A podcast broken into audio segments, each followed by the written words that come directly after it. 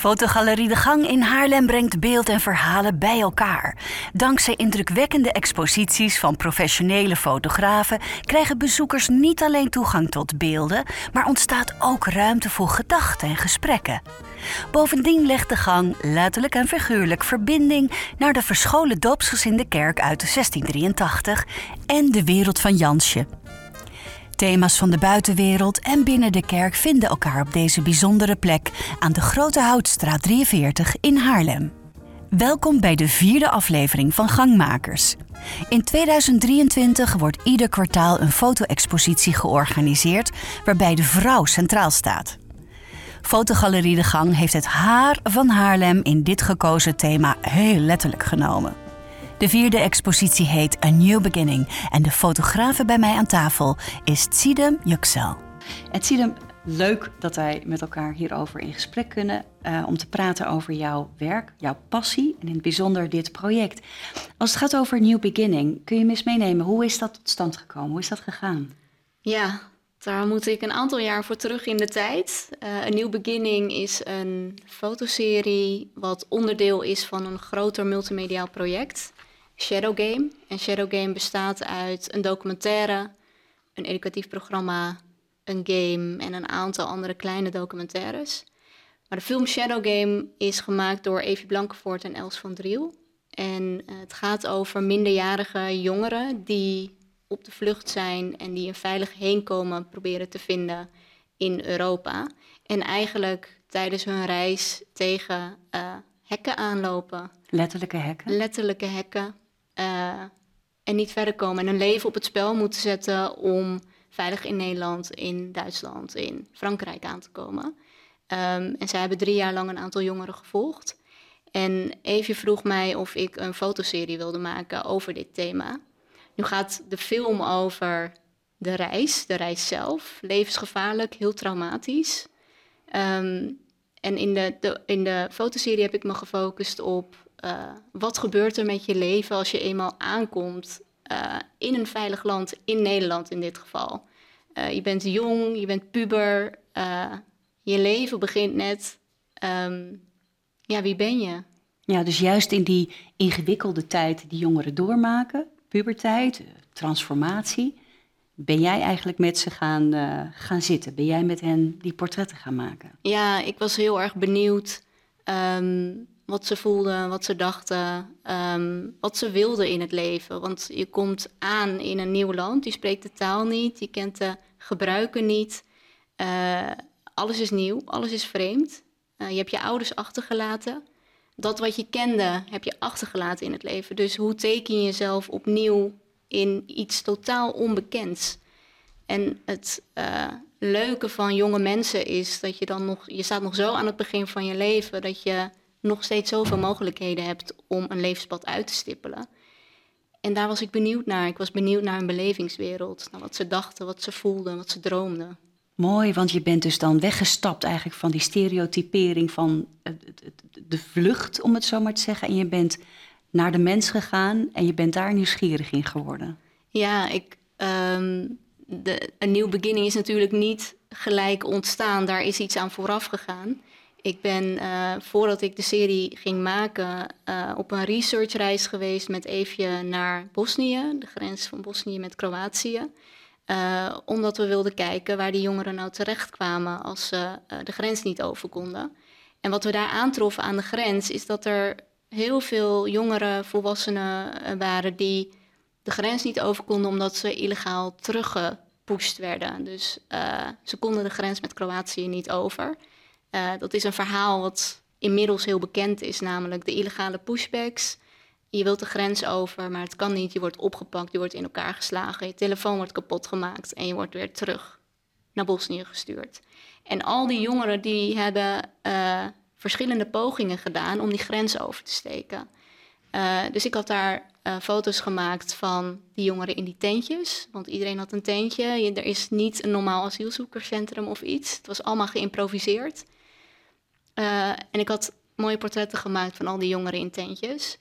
Um, wij kwamen terug naar Nederland. Het werd een hele mooie fotoserie in de Volkskrant. Met een goed verhaal, de illegale pushbacks, want dat moest iedereen ook weten.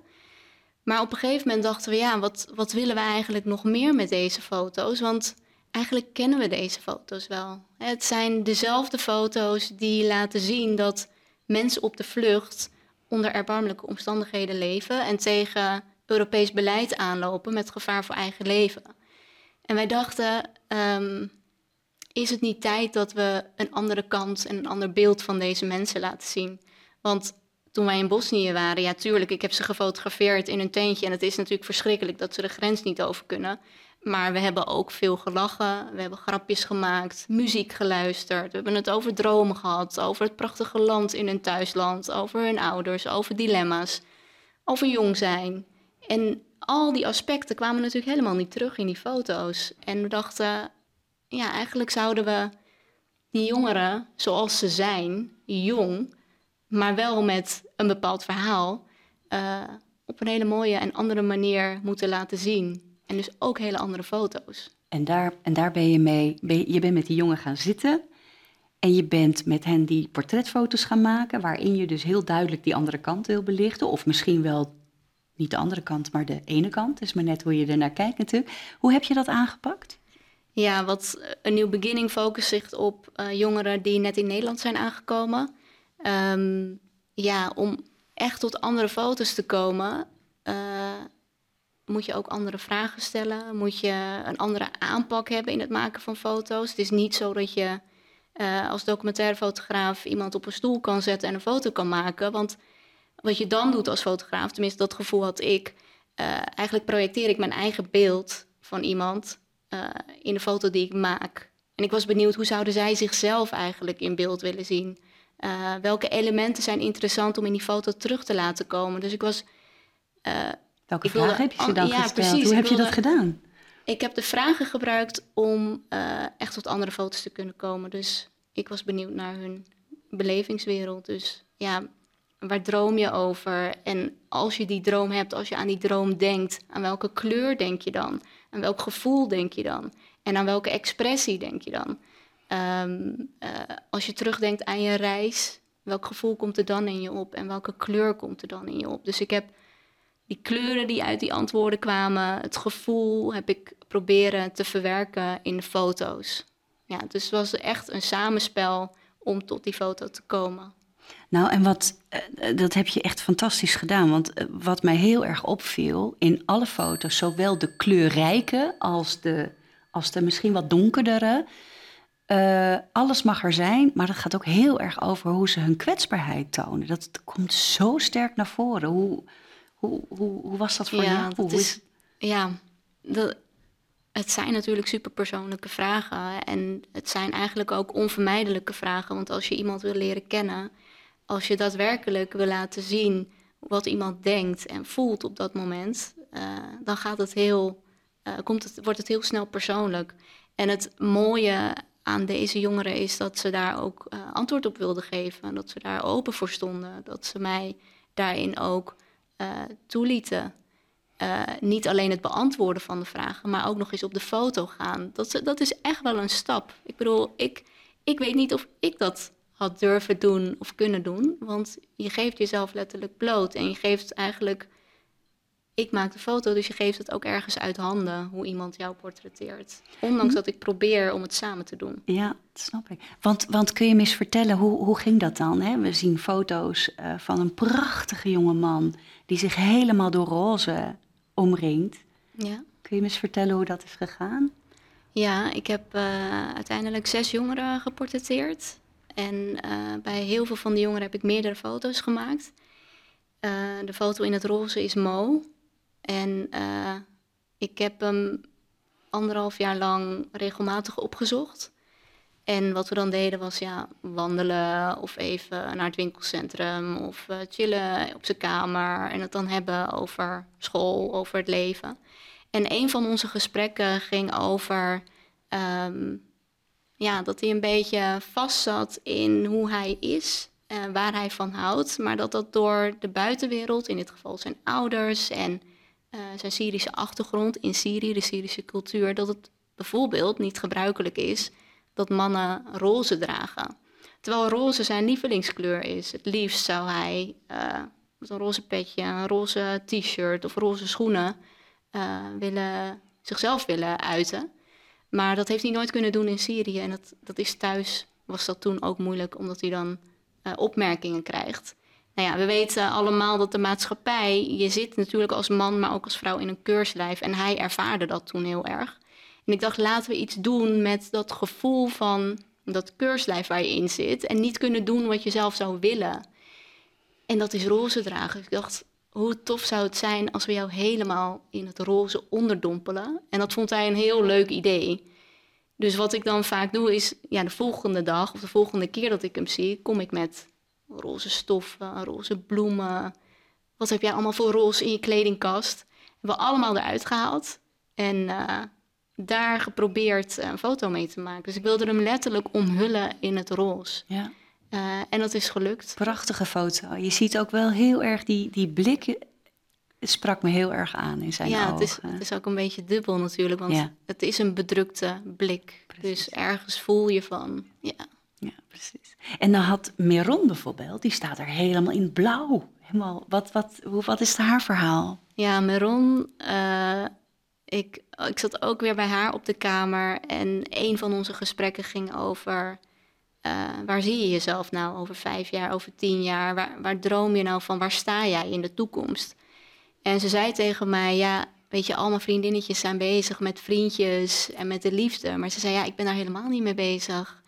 Mijn focus nu is zo snel mogelijk uh, goed Nederlands leren, studeren en op mijn eigen benen staan. Ze zei, ik wil me sterk voelen. Dus ik vroeg haar, uh, als je aan de toekomst denkt, wat voor Meron zie je dan? Een hele sterke vrouw, zei ze. En ik vroeg van, ja, welke kleur, met welke kleur associeer je dat gevoel? En toen zei ze knalblauw.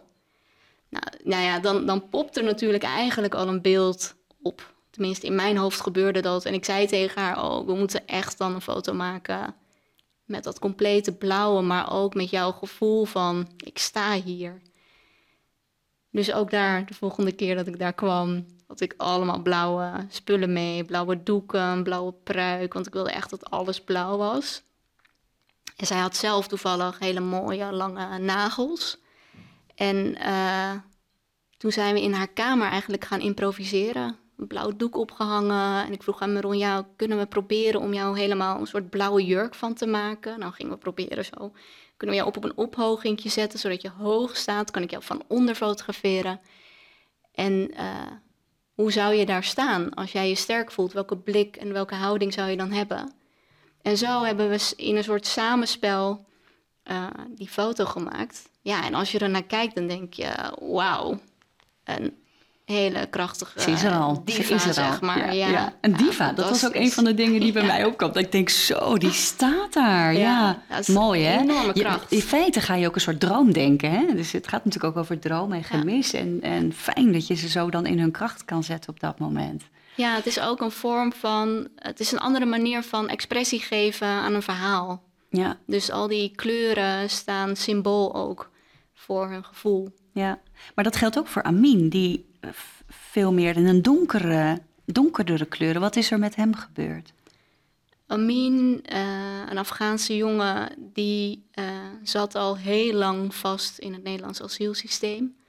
Eh, al zes jaar lang ging hij van asielzoekerscentrum naar asielzoekerscentrum. Toen hij op een gegeven moment eh 18 werd, ja, dat is best wel een harde kut in ons asielsysteem. Dan heb je geen recht meer op een voogd, geen recht meer op educatie en dan word je overgeplaatst naar een volwassen afdeling. En dat deed hem niet echt goed. Hij heeft jarenlang geprobeerd de IND ervan te overtuigen dat hij niet veilig was in Afghanistan. En Nederland is een van de weinige landen die heel lang heeft volgehouden dat Afghanistan een veilig land is, terwijl andere Europese landen dat niet deden. En dat heeft hem gesloopt, want eh, hij heeft meerdere keren een afwijzing gekregen van het IND. En wat je dan doet, is dat je gedwongen wordt om mee te werken aan je terugkeer. Ja, dat deed psychisch heel veel met hem. Dat gaf hem ontzettend veel stress. Hij heeft geen familie in Afghanistan, want eh, zijn ouders zijn geëmigreerd naar Iran. Dus hij werd ook nog eens teruggestuurd naar een land waar hij niemand heeft. Dat, eh, ja, dat zorgde voor hele donkere periodes. Kan al wel vermelden dat Amin gelukkig nu eindelijk een verblijfsvergunning heeft. echt een opluchting. Ehm, maar die donkere foto met het donkere gezicht. Ik vroeg ook aan hem van jeetje, als je dit vertelt, wel, aan welke kleur, weer, welke kleur denk je dan? En hij zei ja, pikzwart. Gewoon pikzwart. Geen enkel sprankje hoop, geen enkel lichtpuntje. En dat is een van de foto's. Je ziet alleen zijn gezicht en het pikken donker. Je ziet de pijn. Je ziet de pijn in de foto. Absoluut. En dat is, ik ben wel heel blij dat je ook vertelt dat dat met hem nu, uh, dat er nu een stijgende lijn is. Dat hij ook nu aan kracht kan gaan denken.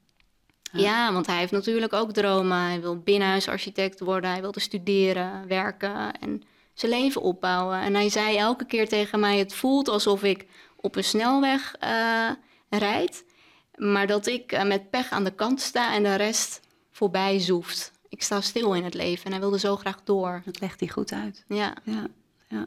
Want je hebt dus inderdaad van uh, Abdullah, van Shiro en van Hamoute. Heb je ook foto's gemaakt? Ja. Um, en ik, ik, zou ze allemaal willen bespreken, maar ik, ik hoor ook heel duidelijk de thema's uh, waarin jullie met dit project hebben geprobeerd om dit over de grenzen heen te brengen. Uh, is dat ook gebeurd? Ja, het, maken van foto's is natuurlijk één ding. Hè. Je wilt uh, visueel maken, je wilt verhalen vertellen, maar het is natuurlijk belangrijk dat het ook een bepaald publiek bereikt. En exposities zijn daarin fantastisch, maar wij wilden meer. Wij wilden ook echt impact bereiken bij mensen die iets te zeggen hebben over ons asielbeleid. Dus uh, wat we hebben gedaan vorig jaar is dat uh, foto's op verschillende buitenlocaties in Nederland tentoongesteld zijn.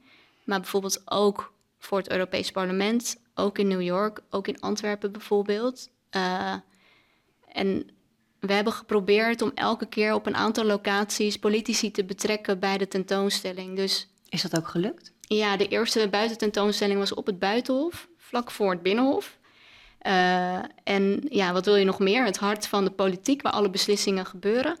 En wat we hebben gedaan is uh, ja, allemaal mensen van verschillende partijen uitnodigen om met ons langs de expositie te gaan. En de jongeren die ik heb gefotografeerd ook daadwerkelijk te spreken, zodat ze horen wat hun verhaal is, maar ook horen wat het asielbeleid op menselijk niveau met jongeren doet.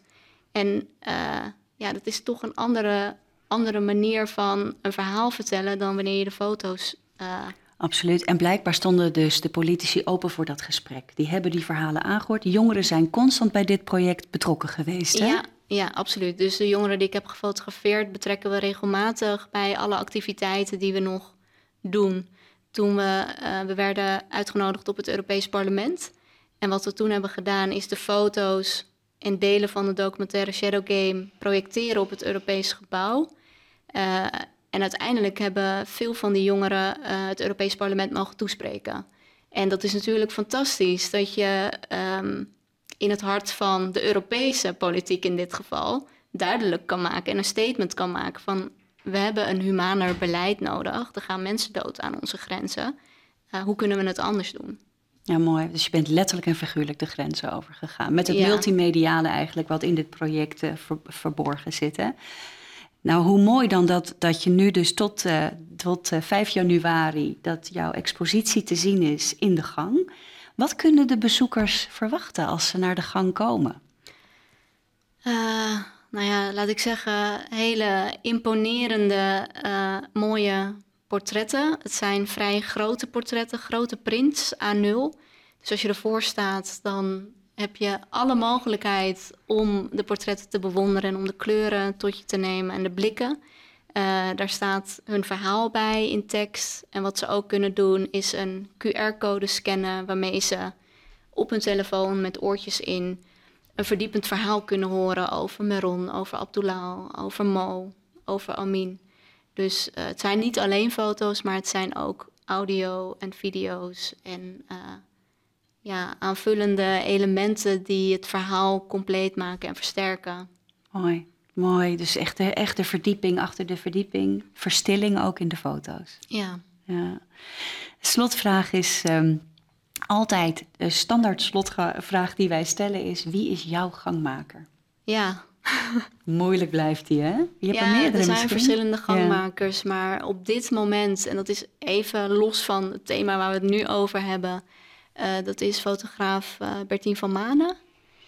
Uh, fotograaf op leeftijd, maar best wel een bekende fotograaf in Nederland. En zij, ja, ik vind haar fantastisch. Ja, zij is een inspirerende fotograaf voor mij, omdat zij aan de ene kant uh, in de jaren 70, 80 uh, veel heeft gefotografeerd onder de Turkse, Marokkaanse, Italiaanse, Spaanse, Tunesische, Bosnische vrouwen die toen naar Nederland kwamen.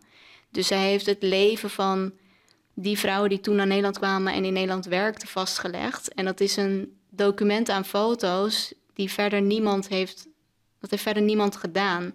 Dus uh, die foto's zijn nu heel erg waardevol voor de generaties daarna. En voor mij bijvoorbeeld als fotograaf die, ik weet niet hoeveel jonger ik ben. Bertine is 82, ik ben 34.